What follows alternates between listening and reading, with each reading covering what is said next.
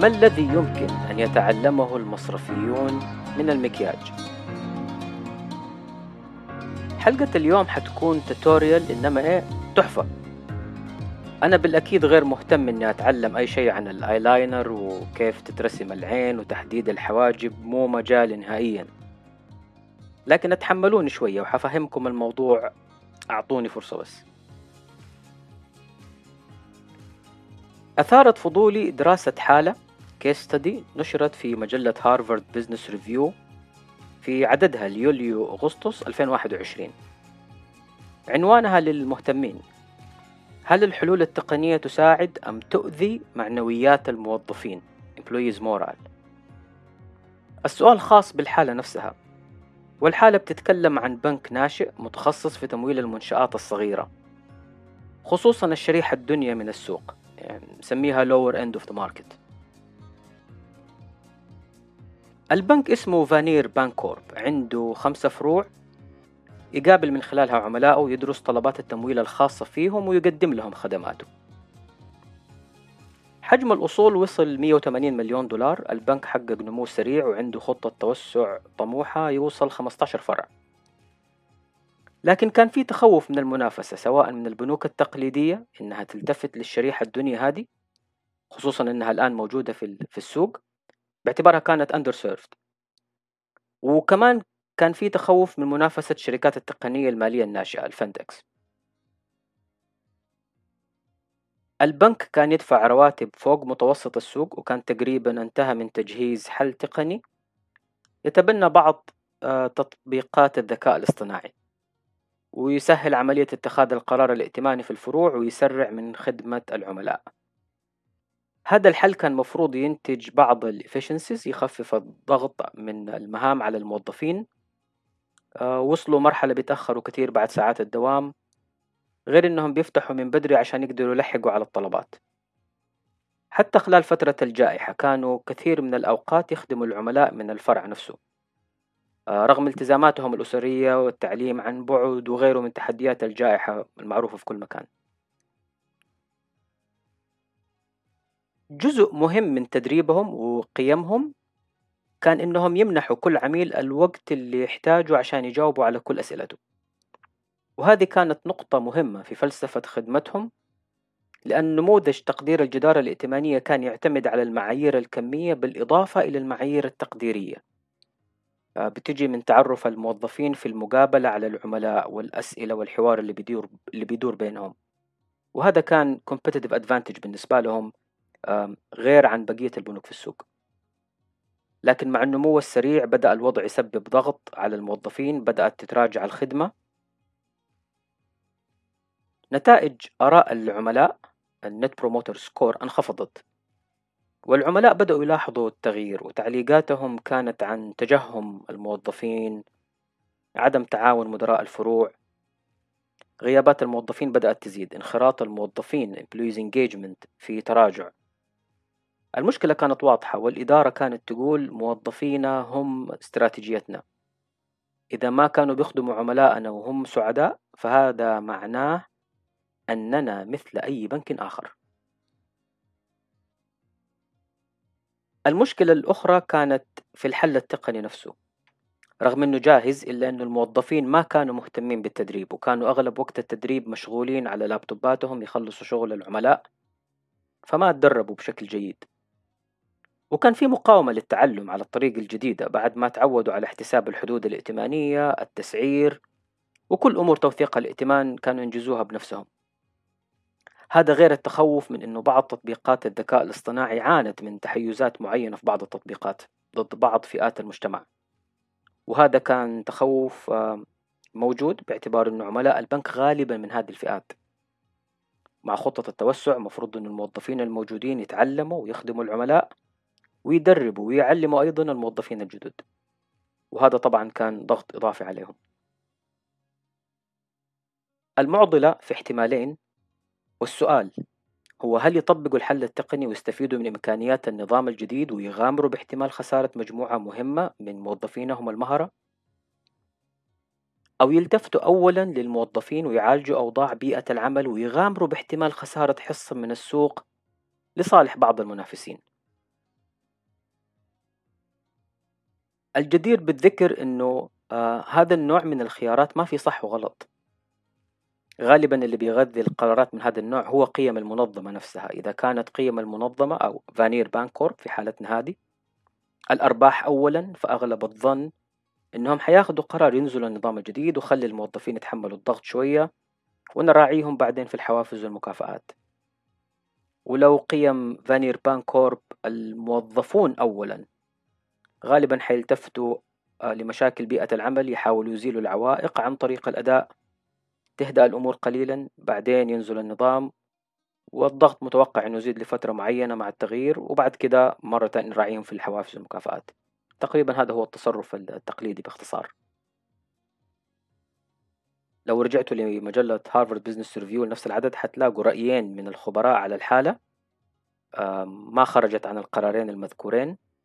وأنا حابب أضيف لهم آه، رأيي الشخصي في في نفس الحالة.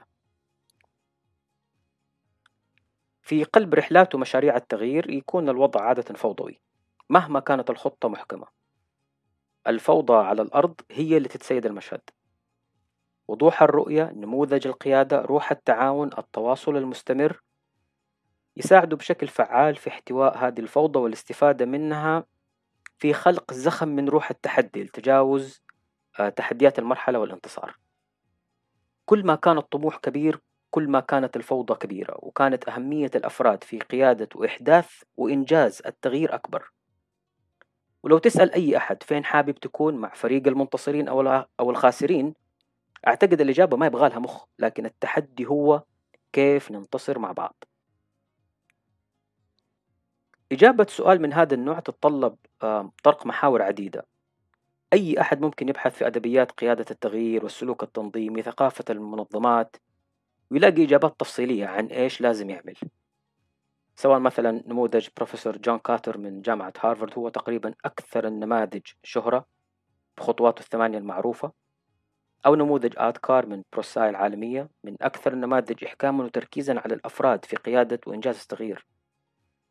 ممكن نذكر نموذج 7S نموذج ماكنزي الشهير واترمان وبيترز طبعا كتابهم من الثمانينات. يوصف بأنه الكتاب الذي غير وجه الإدارة. In search of excellence. النماذج والخطط والتكتيكات كثيرة لكن النقطة اللي بحاول أركز عليها في هذه الحلقة هي تحفيز الأفراد معنويات الأفراد. واللي أعتقد أنها المحور الذي يهرب منه الجميع ويكتفي بالتحفيز النقدي الفلوس كإجابة تقليدية. وعندنا في حالة فانير آه، واضح من السيناريو أنه البنك اوريدي فعليا بيدفع رواتب فوق مستوى رواتب السوق. ونجح في تعيين موظفين عندهم المهارات المطلوبة لأداء العمل وإنجازه بالشكل الصحيح. وحقق النمو السريع واللافت. مع ذلك انخراط الموظفين في تراجع Employees Engagement شكاوى العملاء في ازدياد نتائج آراء العملاء Net Promoter Score في تراجع. وإذا رضا العاملين والعملاء في تراجع كم تحتاج تنتظر قبل ما تشوف النتائج والأرباح تتراجع؟ السؤال في عنوان الكيس ستدي هو هل الحل التقني للبنك سيساعد أم يؤذي معنويات الموظفين؟ ولأن السؤال عن معنويات الموظفين وآراء خبراء هارفارد ما جاوبت على السؤال نفسه فأنا حابب أكمل إجاباتهم بالتحديد على نقطة معنويات وتحفيز الموظفين. لأن آراء الخبراء ركزت فقط على قرار الإدارة فيما يخص الرول أوت حق النظام. اليوم أو بعد أسبوع بعد سنة لكن ما جاوبوا عن جزئية معنويات الموظفين. وهذا اللي وصلنا للسؤال آه، نهاية الحلقة آه، السابقة. ما الذي يمكن أن يتعلمه المصرفيون من المكياج؟ طب هو إيش دخل المكياج في الموضوع؟ كيف وصلنا لموضوع المكياج ده؟ هي القصة أحاول أختصرها. أنا تعودت أبحث في ممارسات الشركات العالمية ونماذج أعمالهم من سنين طويلة. كان هدفي دائما أني أقدم خدمة لعملائي world class كنت أقول لنفسي زملائي إذا أنا أبغى ألتزم وأقدم هذا المستوى من الخدمة يكون على مستوى عالمي world class لازم أتعلم من الأفضل في العالم. لما كنت أبغى أتعلم تحسين العمليات كنت أدرس جنرال إلكتريك المبادئ الست ال Six Sigma كنت أدرس تويوتا المبادئ ال14 لما كنت أقول لزملائي genchi genbutsu كان كان اليوم يضيع ضحك. heijunka jidoka kaizen. نتعلم من, صن... من الصناع الكبار من شركات السيارات كيف يكون عندنا نظام جودة صارم عالي الأداء وعمليات رشيقة. والإثنين بالنسبة لي كانوا الأفضل في وقتهم في هذا المجال. لما كنت أبغى أشتغل على الخدمة كنت أشوف إيش ال Four Seasons الريتز الماريوت الناس اللي بتشتغل في ال hospitality تجربة العملاء كيف ديزني تتصرف كيف تخلق تجربة عملاء آه، مثرية وساحرة. بيئة العمل والخدمة زابوس Delivering Happiness جوجل وولمارت أمازون أبل وغيرهم. وفي يوم من الأيام وقعت على شركة مكياج. آخر شيء كنت أتوقعه إني أتوقف عند شركة مكياج والموضوع لا يزال صعب. كيف تفاتح مدراء معك في الفريق؟ يا شباب اليوم حنتعلم شيء جديد عن التحفيز وجايب لكم معايا مكياج. أقصد قصة من شركة مكياج. الشركة اسمها ماري كي. هي شركة أمريكية متخصصة في مستحضرات التجميل والعناية بالبشرة. أسستها ماري كي آش في سبتمبر 1963 ماري كي سيدة ملهمة بشكل عجيب للغاية. عاشت عمرها وفيا لمبادئها وأهمها وعلى رأس قيم الشركة لليوم القاعدة الذهبية. أدي إلى الناس ما تحب أن يؤدى إليك. يعني حب لأخيك ما تحب لنفسك. ماري كي حصلت على جوائز وتقديرات وألقاب وشهادات عديدة. منها مثلا أكثر سيدات القرن العشرين تميزا في مجال الأعمال. واحدة من 25 سيدة أمريكية الأكثر إلهاما وغيرها أشياء كتير الشركة اليوم موجودة في 40 دولة حول العالم من خلال مستشارات التجميل مستقلين يسموهم Independent Beauty Consultants. نموذج عمل الشركة يعتمد على التسويق متعدد المستويات. MLM الفكرة أعتقد معروفة عند عند كثيرين فما ما في داعي نفصل في شرحها. بعد أكثر من خمسين سنة الشركة عدد موظفيها خمسة آلاف. اللي بيسوقوا المنتجات الشركة أكثر من ثلاثة ملايين وخمسمائة ألف ممثل مبيعات مستقل اللي هم ال beauty consultants سيدات حول العالم يكاد لا يوجد منتج أو مستحضر تجميلي إلا هو من ضمن قائمة منتجاتهم. مبيعات Mary Kay السنوية في حدود 3 مليار دولار. الآن لما نتكلم عن تحفيز الموظفين ومعنوياتهم ليش أنا اخترت شركة مكياج كمثال غير تقليدي في حلقة عن banking unusual إيش اللي ممكن يتعلمه المصرفيون من شركات أو من شركة مكياج؟ تحدي ماري كي ليس تحفيز 5000 اللي هم موظفيها فقط. التحدي الحقيقي هو كيف تحفز 3.5 مليون ممثل مبيعات أو مستشارة تجميل مستقلة. هدول سيدات أعمارهم بين 24 و 54 متزوجات غالبا عندهم أطفال عندهم وظائف ثابتة شيء من التعليم الجامعي. تقريبا هذا هو البروفايل. كيف تبقي دول كلهم على مستوى عالي من التحفيز والإيمان بقيم الشركة والالتزام بتسويق منتجاتها وأهدافها ويستمروا في شراء مخزون من المنتجات توزيعه في مجتمعاتهم. ترى إيش ما كان تحدي المعنويات؟ morale عند أعضاء فريقك تراهم خمسة عشرة مية خمسمية. جرب فكرة تحفيز ثلاثة ونص مليون في أربعين دولة. الفكرة لوحدها تسبب مغص في المخ. في ثلاثة رغبات عند عند الأفراد ينبغي ملاحظتها عند العمل على التحفيز. آه، ذكرها بروفيسور بوب سايمون في كتابه Levers of Control. أولها الرغبة في عمل ما هو صائب تجاه منظماتهم. موظف موجود في الشركة عنده رغبة أنه يخدم المنظمة يؤدي عمله على أكمل وجه يحترم الأنظمة والتعليمات وميثاق أخلاقيات المنظمة. هذه الرغبة الأولى. والرغبة في الإنجاز والمساهمة هذه أيضا رغبة لها جانب يعتمد على الأداء نفسه من أجل الحوافز المكافآت وأيضا من أجل الشعور بالأهمية قيمة المساهمة في نجاح المنظمة. الرغبة الثالثة هي الرغبة في الابتكار والإبداع باعتبار أن الأفراد لديهم دائما هذا البحث عن الفرصة لتجربة شيء جديد أفكار جديدة تحسين الأوضاع القائمة. المساهمة في صنع منتجات وخدمات تساعد المنظمة. هذه الرغبات الثلاث يمكن تقسيمها الأربعة كمان. كل واحد منها له محركات. هذه المحركات أو المبادرات هي اللي تضغط على زر التحفيز وتساعد الفرد على المساهمة والإبداع والإنجاز. والشعور بالفخر كونه جزء من الفريق والمنظمة الناجحة. ماري كي كيف بتتعامل مع هذه الرغبات؟ في مقولة ملهمة آه، لها في هذا الإطار بتقول إنه شريط أو فيونكة الريبن بخمسة دولار مع مكافأة نقدية بعشرين دولار. لهم قيمة وأثر أكبر من مكافأة نقدية لوحدها بخمسة وعشرين دولار. آه، ترى التكلفة واحدة هي كلها خمسة وعشرين دولار لكن الأثر مختلف. نموذج شركة Mary Kay في التحفيز مختصر بكلمة STORM وهو مصمم بحيث إنه يشتغل على الرغبات الرئيسية اللي ذكرناها. إيش يعني STORM في Mary Kay يعني خمسة محاور رئيسية للتحفيز. النقود وزيادة money plus كده بيسموه. ال S من STORM يعني satisfaction with task well done. هي رضا الموظف عن أدائه مهمة معينة بشكل مرضي. ال T يعني teamwork هذا الشعور بالانتماء لفريق أو مجموعة إني إني جزء من منظومة ناجحة. ال O يعني opportunity هي الدعم اللي أتلقاه والفرصة لعمل شيء عظيم والتقدم والتطور وارتقاء سلم النجاح. الآر يعني recognition ويهتم بالتقدير والجوائز والشهادات على الأداء الرائع وعلى مستويات مختلفة كمان. الام يعني money وهي الحوافز البيعية والمكافآت النقدية بالأكيد مرتبطة بالأداء. الآن لازم تسألوا عن أنفسكم إيش أدوات ومبادرات التحفيز اللي بتستخدمها شركاتكم؟ معظم الشركات تستخدم تشكيلة من المبادرات والمكافآت النقدية معروفة طبعا. وغير النقدية زي موظف الشهر المثالي خطابات الشكر وغيرها. وبالعادة مزيج بين المكافآت طويلة المدى وقصيرة المدى.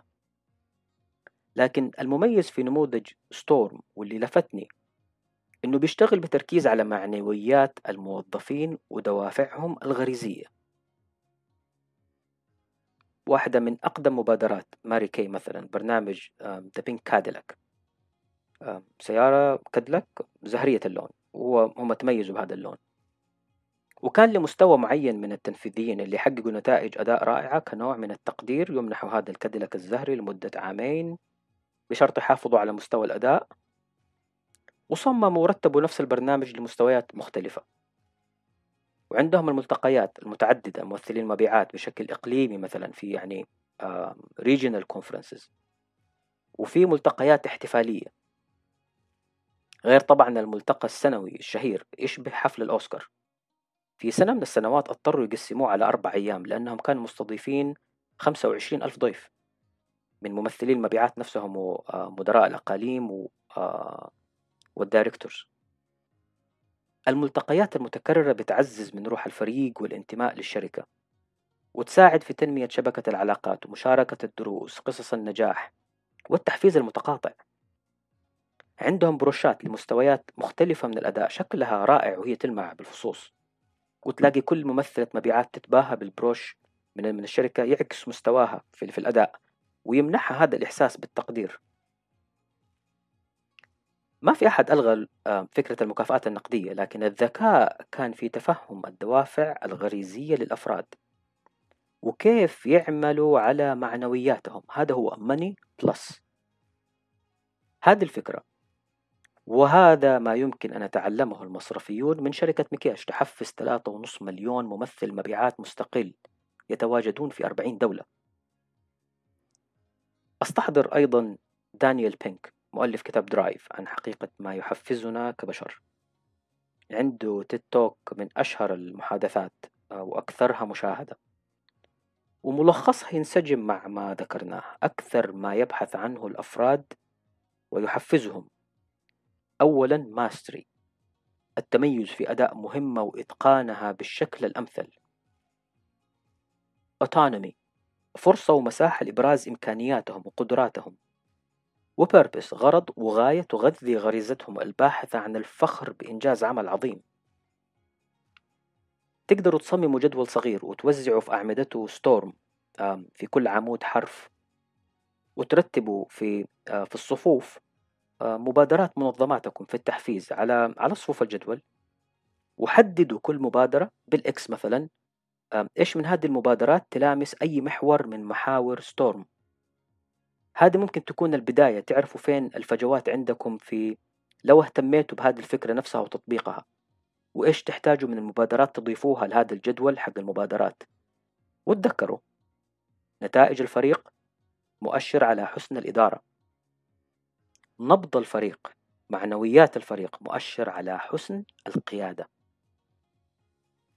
الحلقة القادمة موضوع مصرفي دسم يعالج موضوع عالمي مهم تأثيراته على القطاع المصرفي تفرض واقع جديد في طريقة عمل المصارف وممارستها لأعمالها.